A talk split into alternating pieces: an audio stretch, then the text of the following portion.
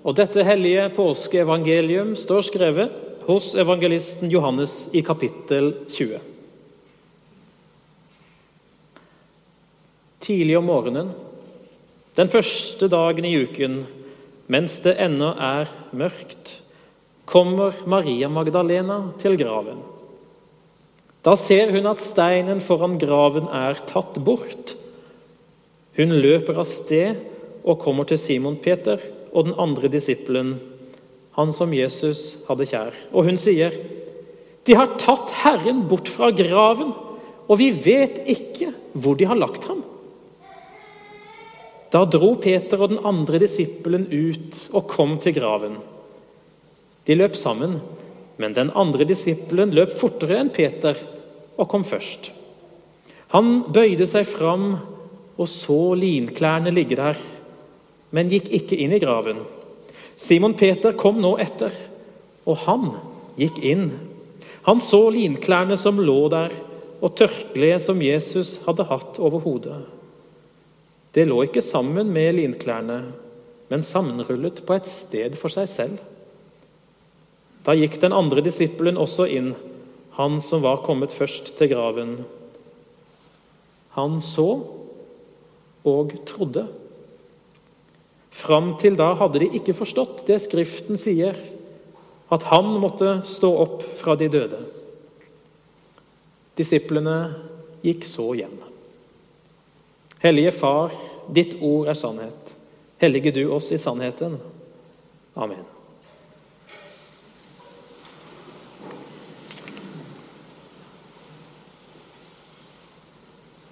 Det var stille i Jerusalems gater. Det var mørkt. Sola hadde ikke stått opp. Og mørkt, mørkt så det ut òg for disiplene og alle Jesu venner. Han var død. Det er med andre ord ingen spent eller nysgjerrig Maria Magdalena som er på vei til graven denne dagen. Maria skal ikke dit for å se om Jesus har stått opp. Maria skal dit fordi hun er i dyp sorg og fortvilelse og går til graven for å minnes og for å sørge. Og Vi kan forstå sjokket for Maria når hun ser at den veldige steinen foran Jesu grav er tatt bort. Og ikke bare steinen er borte, men noen har tatt han bort. De tunge skrittene på vei til graven blir erstatta med raske fottrinn i mørket. Hun bare må dele denne forferdelige nyheten med de andre. Peter og Johannes, eller den andre disippelen, som han kalles, de setter av gårde i stor fart mot graven. Hva er dette? Johannes løper raskest, men han stopper utafor grava. Han ser inn og får se linklærne ligge der. Og Straks etter kommer en andpusten og småsvett Peter og nærmest braser inn i graven. Han må se det. Der ligger linklærne og tørkleet som Jesus hadde over hodet.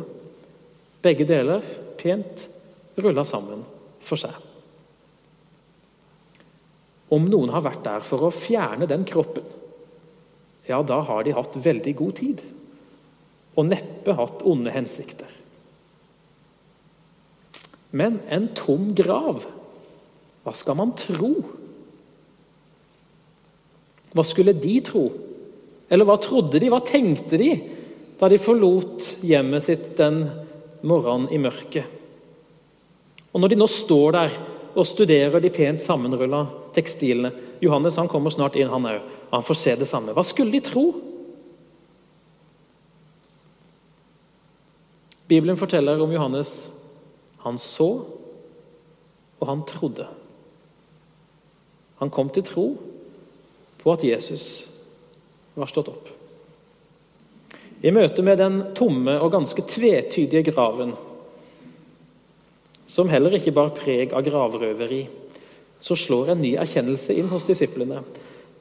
De blir minnet om noen ord fra Jesus. Dette skulle jo skje. Ord som slår rot hos dem og på en måte springer ut i blomst, nå på en ny måte. Det sto i teksten vår Fram til da hadde de ikke forstått det Skriften sier, at han måtte stå opp fra de døde. Men så er det akkurat som at Jesu ord skaper en helt ny situasjon for dem ved Den hellige ånd. Det var jo virkelig sant. Og om de ikke forstår riktig hele bildet av hva dette innebærer, så forstår de i hvert fall det første og grunnleggende og det aller viktigste. Han er ikke stjålet. Ingen har tatt ham bort. Han har stått opp.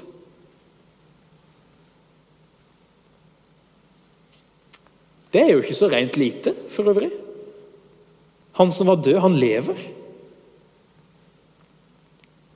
Vi kunne kanskje forvente at disiplene da styrta hjem i stormende jubel mens de sang lovsanger til Gud.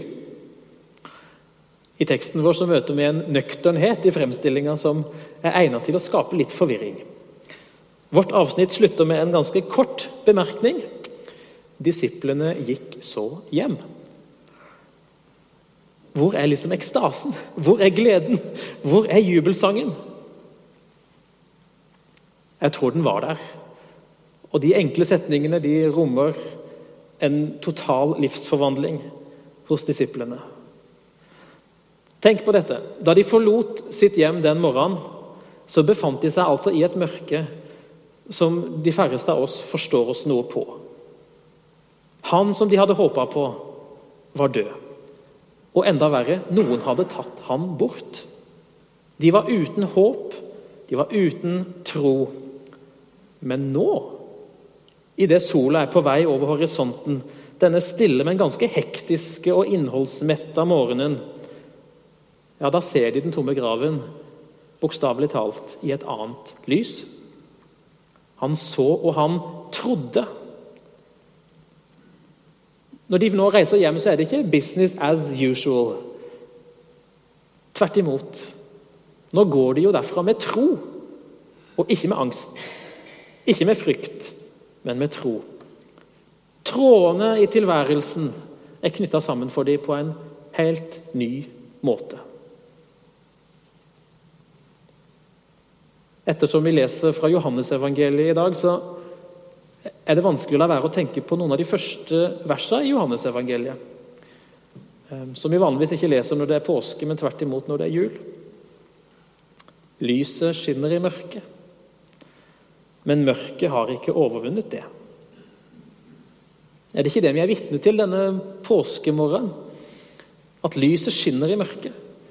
På en sånn måte at mørket og alle mørkets krefter mister grepet og ikke kan gripe lyset. Er det ikke nettopp det som skjer? Dessuten ligner det ikke så lite på de ordene Gud bruker når han skaper vår verden. Det første Gud sier der hvor mørket er totalt, det er jo nettopp 'bli lys'. Og så blir det det. Og På samme måte så har altså Gud, den allmektige, som har skapt himmel og jord, kalt sin elskede sønn, vår frelser, ut fra mørket, ut i lyset. Ja, han ikke bare går ut i lyset, han er jo lyset. Og med hans oppstandelse skapes det en soloppgang like mektig som den aller første soloppgang da Gud skapte alt. Den allmektige Gud reiser Sønnen opp fra mørke og død. Lyset skinner i mørket, og mørket har ikke overvunnet det. Ingen kan gå uberørt eller upåvirka hjem fra sånne hendelser. Likevel disiplene er redde. Det kan vi forstå. Det tar jo litt tid å liksom ta inn sånne grensesprengende, guddommelige realiteter. Kanskje kan vi kjenne det noe igjen jo da, vi tror jo i og for seg at Jesus lever. Men så merker vi samtidig at det er jo andre krefter i sving rundt oss. Krefter Guds fiende. Han som har lidd et knusende tap påskemorgen, og nettopp derfor gjør alt han tross alt kan for å kvele frimodigheten. Den frimodigheten som gir tro den troen som gir evig liv, den vil han gjerne drepe og la dø stille bort. Den frimodigheten som våger å tro at det er sant at Jesus lever. For oss, i oss og med oss. Kanskje er det ikke så mye som har forandra seg fra disiplenes påskemorgen og til vår. Vi leser i hvert fall litt videre i Johannes evangeliet, hvis vi nå hadde gjort det, om at de samme kveld, disse disiplene, de er samla, og de har låst seg inne. Ryktene om den tomme graven har begynt å løpe rundt i Jerusalems gater helt på egen hånd. Og nå frykter de reaksjoner fra både jøder og romere. Og de låser døra så godt de bare greier. Jeg vil si De hadde god grunn for å reagere som de gjorde.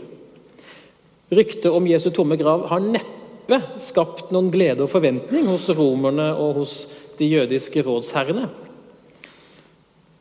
Jo, fordi ved en tom grav nemlig kan jo disiplene påstå det som de frykter mest. At denne bråkmakeren fra Nasaret at han har stått opp igjen, akkurat som han hadde sagt. Det skulle tatt seg ut, han som de fikk drept for blasfemi. Om han nå vandra levende rundt og var reist opp fra de døde, så måtte jo det bety at det var sant, det han sa. Den sjansen kan ingen ta. De hadde god grunn til å frykte. Oppstandelsestro er farlig i det perspektivet der. For hvor var egentlig beviset for at det var sant, det de sa?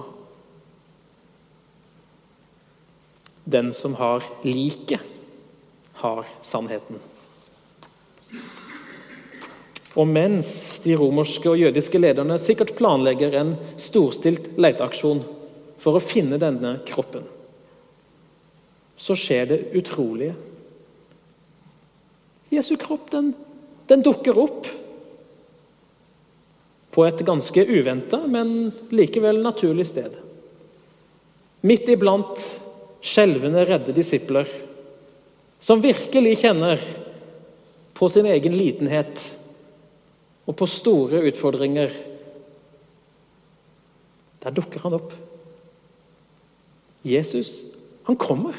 Han kommer til dem. Inn i det stengte rommet. Og han står midt iblant dem, lys levende, og han sier, 'Fred være med dere'. Så får de se såra i hendene hans. De kjenner han igjen. Det er virkelig han. Det er ingen andre. Det står et sted i 1. Johannes brev at den som har Sønnen, har livet. Og Det må de ha opplevd på det aller mest konkrete i sitt stengte rom med den levende ved sin side. De blir plutselig klar over at de har ikke drømt. De fantaserer ikke. Jesu kropp, den er funnet, og den er her. Hos de. Ja, hvor kom han fra, da? Han kom fra graven, naturligvis. Men hvor kommer Jesus fra når han kommer til dem denne morgenen? Jesus kommer til dem fra Guds fremtid. Fra det fullkomne Guds rike, hvor synden og døden og djevelen er knust en gang for alle. I og med Jesu kroppslige og jeg understreker, kroppslige oppstandelse så er det fullkomne brutt inn i vår virkelighet. Den nyskapte og gjenoppretta verden som har skrangla sin vei gjennom historien fra syndefall og like til nå, og det skal visst fortsette en stund til Den fullkomne, nyskapte verden er plutselig blitt tilgjengelig. Den har brutt inn i vår historie. Derfor er påskedagen et stort vannskille i verdens historie. Mye står på spill, og garantien er at Jesu kropp blir å finne på det rette stedet og i rett stand. Ikke dø i Jerusalems gater, men tvert imot levende hos hans disipler. La meg si det på en annen måte. Dersom romerne eller de jødiske myndighetene hadde funnet Jesu kropp på sin leiting, som de helt sikkert prøvde å gjøre, ja, da hadde ingen av oss vært her.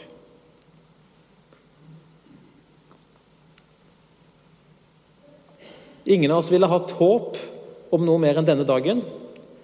Og ingen av oss ville hatt håp om et liv etter døden. Apostelen Paulus sier det veldig klart i 1. Korinterbrev, i det siste kapittelet. Han sier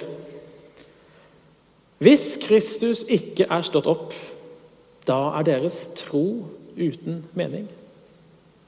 Og dere er fremdeles i deres synder. Og Så fortsetter han litt senere og sier Men nå er jo Kristus stått opp fra de døde, som førstegrøden av dem som er sovnet inn. Det har skjedd. Og Derfor er det meningsfullt å snakke om at det fra Jesu grav, fra den tomme graven, strømmer håp, trøst, lys og liv.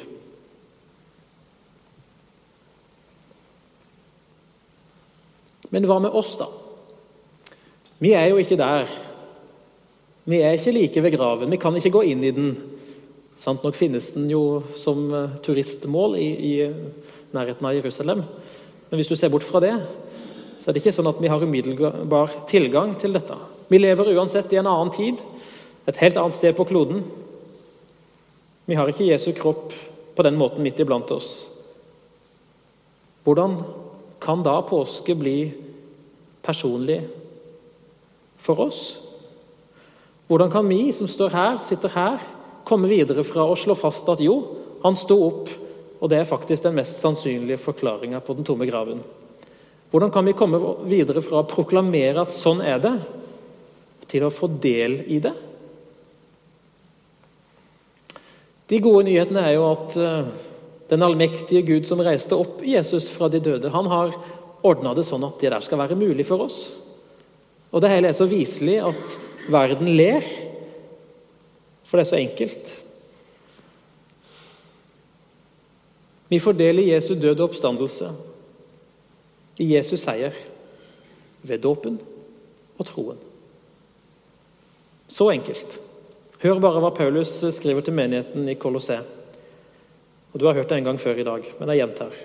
For i dåpen ble dere begravet med Han, og i den ble dere også reist opp med ham ved troen på Guds kraft, Han som reiste Kristus opp fra de døde. Gud er den samme. Hans kraft er den samme, da som nå. Du som er døpt, er allerede satt inn i den livgivende relasjonen til Gud. Du er blitt rettferdiggjort gjennom dåpen og troen ved at Jesu død og liv har blitt ditt. Og det er ganske grensesprengende. Den fullkomne Guds rike finnes et eller annet sted midt iblant oss, inni oss. Oppstandelsens krefter lever i deg som tror.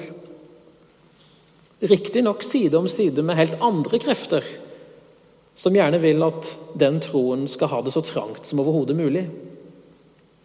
Men i dag blir vi minnet om at oppstandelsen, den oppstandende, selveste, selveste Jesus, han lever og bor og banker i deg ved Den hellige ånd.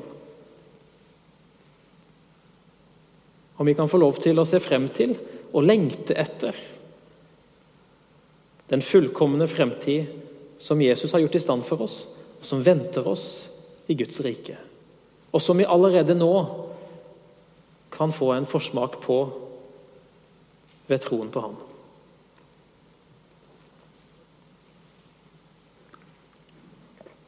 Disiplene gikk så hjem. Sånn avsluttes vår tekst. Og vi skal òg gå hjem herfra, om ikke så brått, så iallfall litt seinere. De gikk hjem forvandla og fornya. De gikk med tro. Og det kan jammen vi òg gjøre. Vi vandrer ikke i mørket, men i og med Jesu oppstandelse og seier, så har vi fått tro, håp, lys og liv. La oss be. Herre Jesus, du som lever. Kom med ditt liv og med din fred. Kom til oss som er dine barn. Skap tro i våre hjerter. Skap håp i vår håpløshet. Skap liv i vår død. Til ære for Faderen og Sønnen og Den hellige ånd, som var, er og være skal, en sann Gud, velsignet i evighet. Amen.